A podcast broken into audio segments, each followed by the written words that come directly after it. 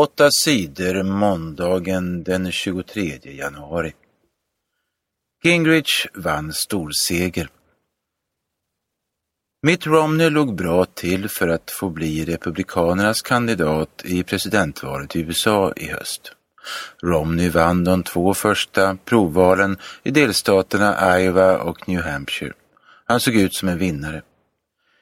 Newt Gingrich var långt efter, men i helgens provval i South Carolina kom Gingrich tillbaka mycket starkt. Han fick 40 procent av rösterna och vann stort över Mitt Romney. Romney fick 28 procent av rösterna. Nästa provval hålls i Florida den 31 januari. Islamister dödade 178 i Nigeria.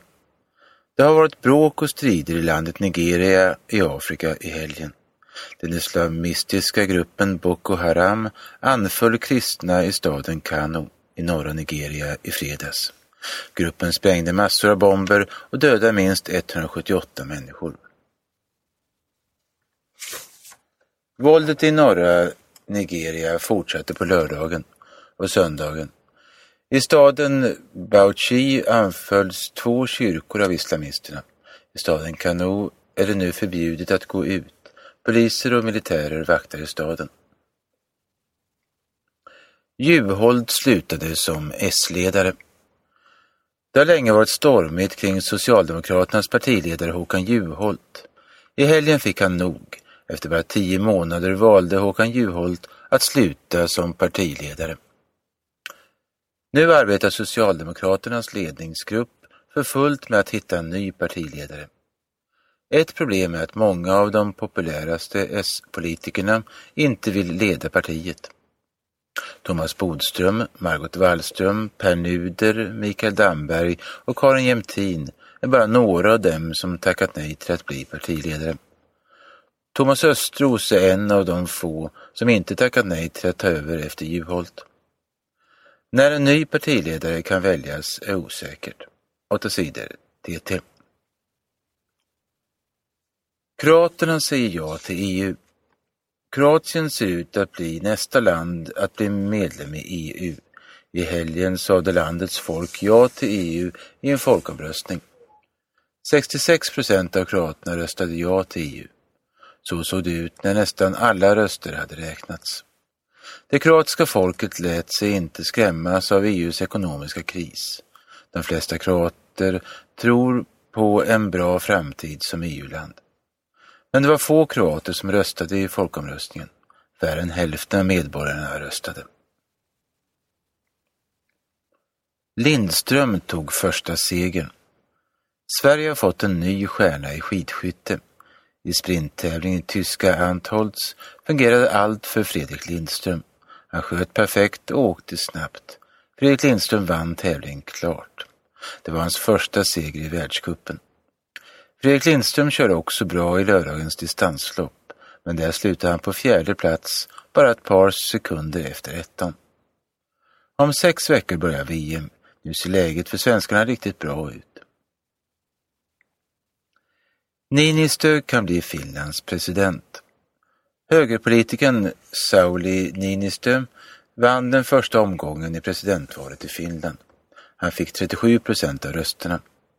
De grönas presidentkandidat Pekka Haavisto blev tvåa med 18,5 procent av rösterna. Niinistö fick inte tillräckligt med röster för att vinna valet redan efter det här valet. Det blir därför ett nytt val där finländarna får välja mellan Sauli Niinistö och Pekka Haavisto. Åtta sidor TT. President Saleh lämnade Jemen. Tiotusentals demonstranter krävde på söndagen att Jemens president Ali Abdullah Saleh straffas för våldet mot de människor som protesterat mot regeringen. Folk kräver att Saleh döms till döden. President Saleh lämnade på söndagskvällen Jemen och flydde till USA. När han säger att han tänker återvända till Jemen. Den 21 februari ska det hållas presidentval i Jemen. Saviano och Cacho får Olof Palmepriset. Olof Palmepriset har delats ut sedan 1987. Det delas ut varje år till människor som jobbat för demokrati och mänskliga rättigheter. I år är det journalisterna Roberto Saviano och Lydia Caccio som får priset. Roberto Saviano är känd för sina böcker om den italienska maffian. Lydia Caccio är känd för att bland annat ha skrivit om oärliga politiker och affärsmän i Mexiko. Båda journalisterna har blivit dödshotade för sina arbeten för människorättsfrågor.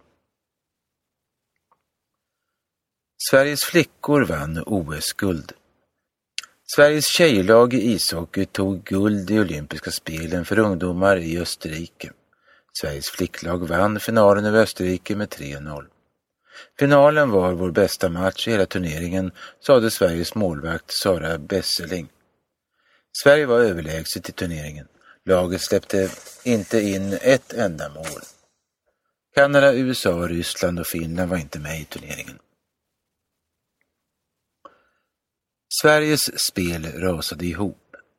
Sveriges herrlandslag i handboll ledde i halvtid med 11 mål i EM-matchen mot Polen. Men det svenska spelet rasade ihop totalt i den andra halvleken och Polen kom ikapp.